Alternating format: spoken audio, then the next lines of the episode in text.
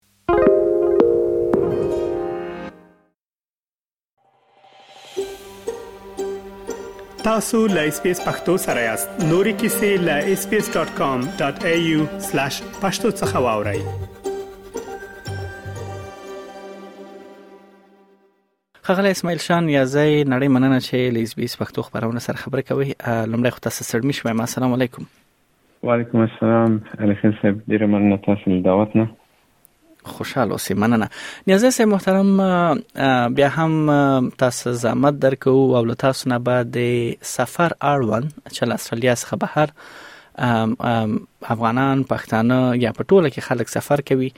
نو د غي اړوند بل تاسو نه پوښتنه وکړم لومړی دا چې نیازی صاحب په دې ورستیو کې ډیر داسې خبرونه البته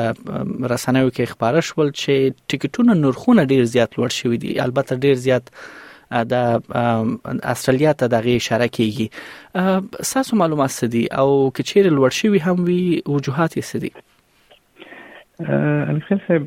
بله یو که موږ تاسو مقایسه خبرې وکړو مخکې له کووید نه او فعلي او هر څه قیمته شوي دي په ټول شیانو باندې تاثیرات شته خصوصا په سفر باندې خو لا زیات ځکه استرالیا کوم ویدات چې درلودل محدودیتونه هغه چې کله لرې کړه دینه پس د مسافرو سفر کوونکو تعداد بیخي ډیر شو اول ته ایرلاینونه بعضی فعال شوی نه دي لکه بعضی ایرلاینونه چین ایرلاین نه دي واړه واړه ایرلاینونه دوی خپل فعالیت تر اوسه نه شروع کړی نو کوم غټ شرکتونه چې لکه امارات قطر اتحاد کوانټاس دوی مارکیټ نیولای دا او دوی لمدغه موقع نه استفاده کوله چې نرخونه ډیر پورته کیو خو په دغه ورځو کې بیا موږ متوجي شو چې یو څو چینایي شرکتونه هم خپل فلایټونه بیرته فعال کړ او د چین محدودیتونه هم لبین لاړ دوی مخکې اول خو به په چین په لار تلای نه شوې ترانزیت به اجازه نه ورکوله اوس دوی هغه د کووید ټیسټ پروسیجر هم ختم کړ نو دا یو باعث د دې شو چې نرخونه راټیټ شو بیرته دا خو ډیر مهم او ستر خبر دی که نیازی صاحب دغه راټیټېدو هغه فیصدي وي څومره تاسو په نظر باندې دغه سه یو تغییر کې د شپټکټونو باندې لرلې وي بله دقیقا دا که موږ تاسو یو دوه درې میاشتې مخکې مقایسه کو نن سره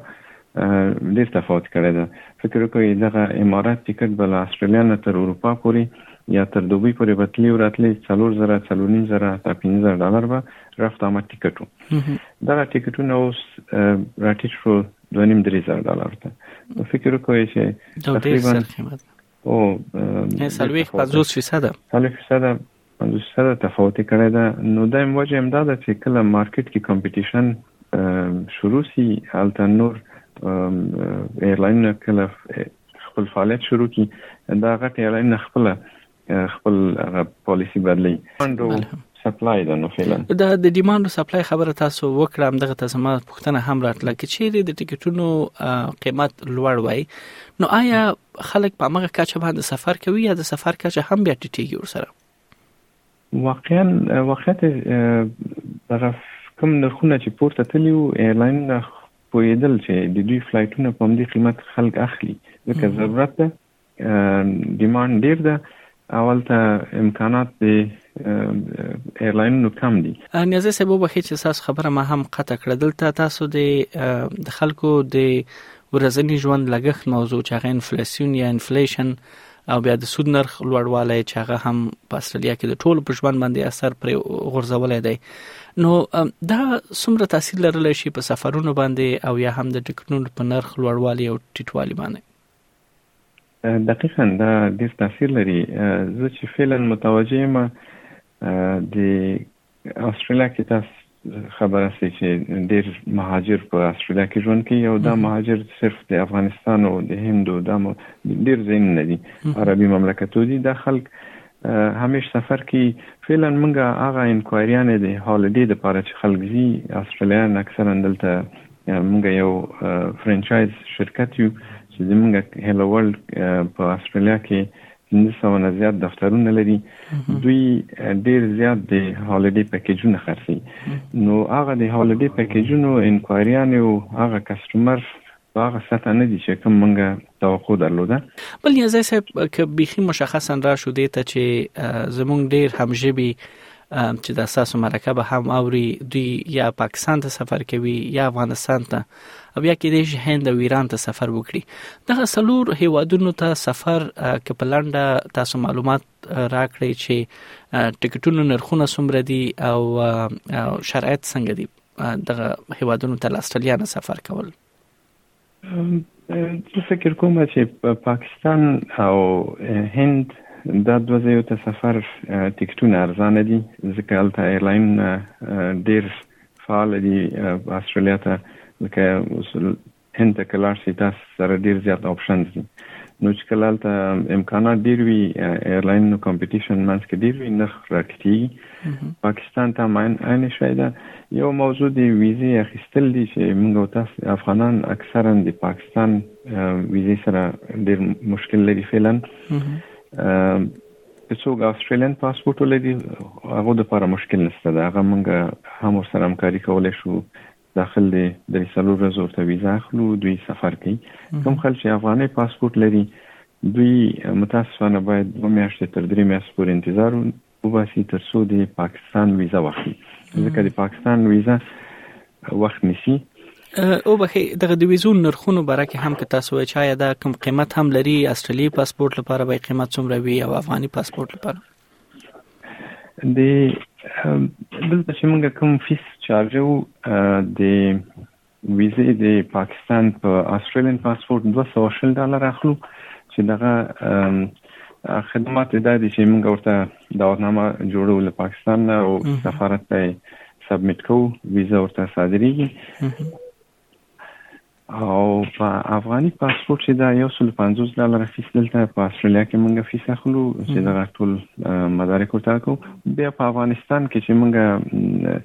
بعض خلک ډیر عجله لري بیا موږ دا افغانستان کې هلته نفر لرو خپل د سفارت دی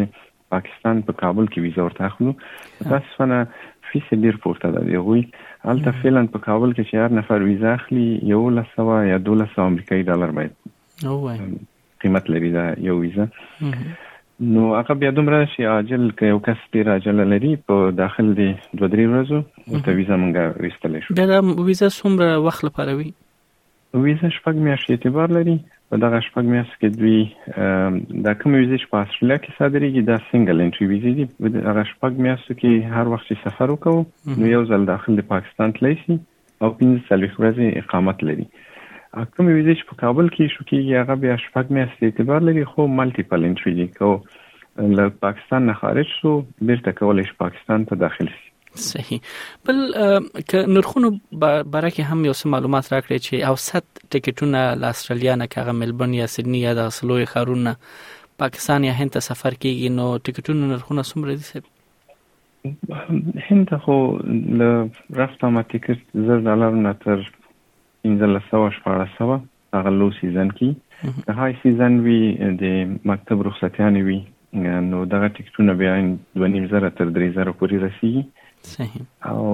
پاکستان ته هم هم چې نن وکړ التم د 1400 تر 2000 ډالر پورې رفت هم تکست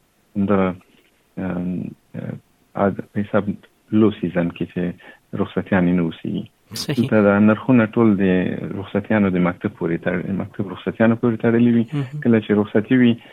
خل ډیر سفر کوي نو الته فلایټونه فول کیږي ایرلاین هم نرخونه پورته وي ښه ښه دا ډیر یو مهم اصل دی بل افغانستان او ایران په تړاو باندې هم نیازی صاحب کوم معلومات راکړي ځکه چې ډيري په زرهاو کسان چې استرالیا ته راغلي دي همیشه وي دي یا د تحولاتو نو ورسته ځینې کورنۍ ایران ته تللي دي یا افغانستان ته خلک سفر کوي البته افغانستان او ایران ته سفر کولو یو شرایط سدي او بل دا چې نرخونه د ټکټونو سمره دي بالکل علي خان صاحب د ایران لپاره هم که مشکل د سفر نشته ده ځکه دولت د ایران افغانان ته ډیر په اساني ویزه ورکوي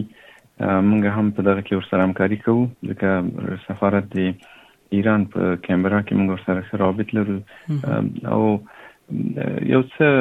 مقررات دي چې هغه باید تکمیل سي امونږ بعضې دوستان خپل که ویزه اقدام وکړي هغه یو نیم مدارک نا تکمیل وي اچ کله ام بي سي ته ولېږي ام بي سي بیا هیڅ په غم کې نه وي هغه ملته پاتې وي بیا دوی په ټلیفون نه کوي هغه ډیر وخت نیسي چې دا پروسه تکمیل سي که چیرته هغه کوم انستراکشن چې د سفارت په ویب سایټ کې دي هغه دقیق تعقیب سي نو دوی ډیر زر ویزه ورکړي په ډیر مشکل نشته دا پروازونه هو لګ د پاکستان او د هند مقایسه ایران ټیکټونه لګ پورته دي صحیح ځکه ایران ته ډیر تیاری نه دي صرف امارات او قطر ایرلاین دغه دوه ایرلاین دي د دوی نرخونه لګ پورته دي ایران ته تقریبا 3000 نه پورته دي صحیح او افغانستان هم عین شی مونږه دغه فعلا چې کوم مسافر افغانستان ته ځي فکر کوم چې په دغه تیر شپږ میاشتو کې د افغانانو سفر افغانستان ته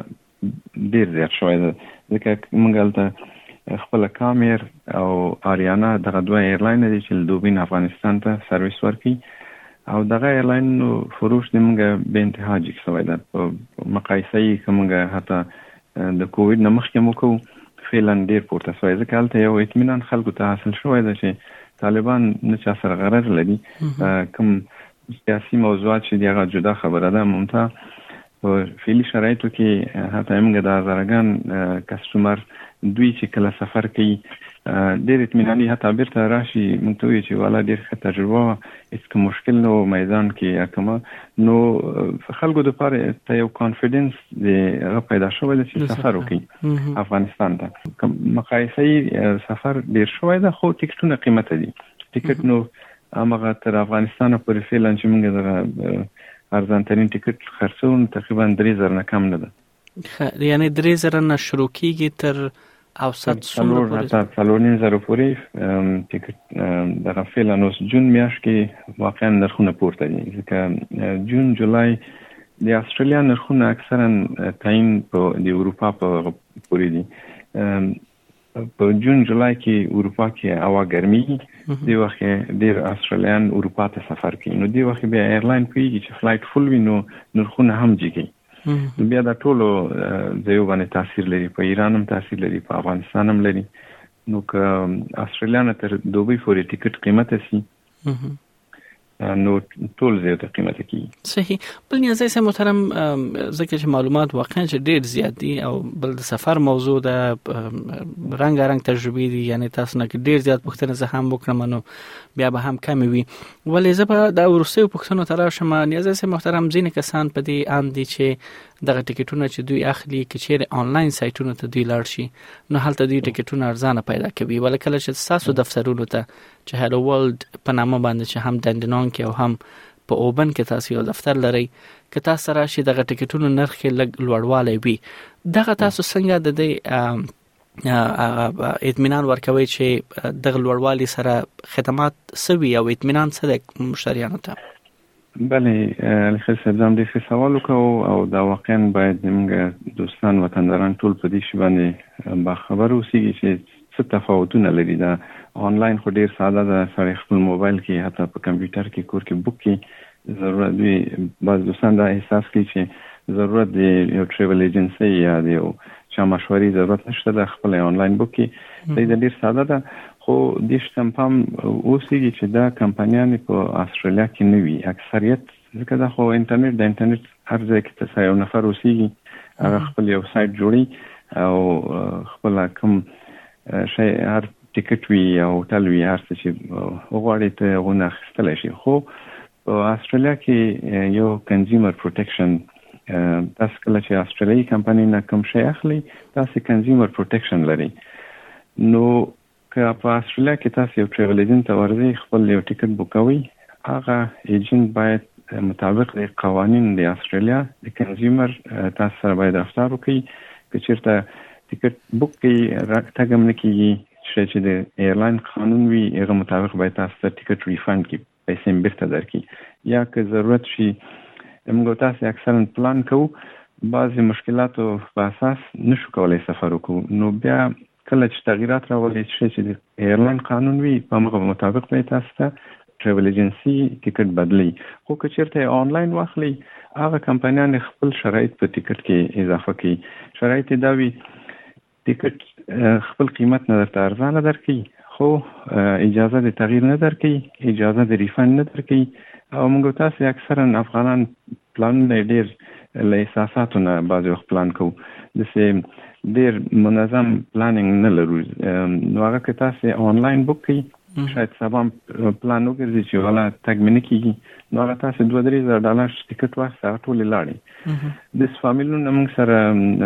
راغلي دي چې انلاین یې ټکټ اخیستی ده لس زره تر پنځلس زره ډالر پورې انلاین پی کړي دي ایرپورټ ته تللی مشکل سره مخامخ شوی دي تګ نه ده شوی حتی هغه ټول پنځلس زره ډالر یې لاسه ورکړل بیا مجبور شوی دي چې نوي ټیکټونه واخلي او یا هم فکر وکړئ چې استرالیا نه لاړې افغانستان ته هلته یو پیښه کیږي یو ضرورت کیږي تاسو وغواړئ چې ټیکټ چینج کړئ هغه انلاین ټیکټونه اکثرا اجازه دي چینج نه ورکړي صحیح نو که چیرته تاسو دا ضروري چې تاسو هلول نه ټیکټ اخیستی یو ایجنټ نه که په استرالیا کې تاسو ټیکټ اخیستی وي تاسو لپاره سهولت دا ده چې یو ټلیفون وکوي ایجنټ هم ټلیفون جواب ورکوي تاسو ته هغه کوم تغییرات چې ضرورت وي یا زر راځي یا ډیر پاتې کیږي نو دغه سهولتونه د ټریول ایجنسی له طرفه تاسو ته وي دا ډیر مهم اصل دی بل دا چې نیازه صاحب کې د شي خپل د دغه دفاترو چې په استرالیا کې لري د وی ادرسونه او معلومات هم شریک کړي بل دا چې د ژبې ستونزه هم کې دي چې آیا ساسو کارمندان په دې توانېږي چې په پښتو په دری یا په داسې د ژبو خبرې وکړي ځینې کسان چې د ژبه مشکلات لري چې هغوی مسایل هم یعنی مد نظر ونیول شي واقعا دا موږ ډېر جدي نیول دا مشکل ځکه د موږ افغانان اکثرا دغه د کمیونیکیشن مشکل وي او موږ ټول کارمندان افغانان دي چې پښتو فارسی حتی اردو ژبه باندې پیږي نو د افغانان په خاطر باندې دا ډیر مهم ده چې ترڅو یو بل په خبر پوه نه شو هغه مشکل حل کولای نه شو نو زموږ ټول همکاران په ملبون کې په سیدنی کې پښتو فارسی ژبه دواړه پیږي نو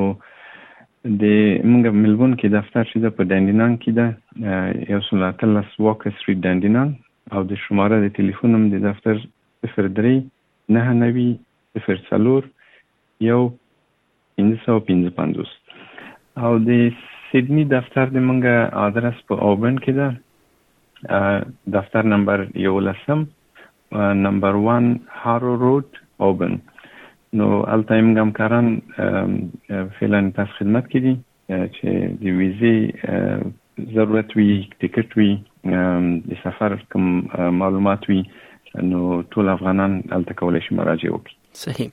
نړۍ مننه خغلې نیازه سه به هم ډیر زیات اړین معلومات ول چې تاسو شریک کړل البته کم کسان چې د سفر کولو پلان لري نو هغوی په زینو یعنی د ټیکټونو په نرخونو او په سیزانو په دغه مسایلو باندې تاسو ورته کافي اندازه معلومات ورکړ نو هیڅ چارو لري خبره زولري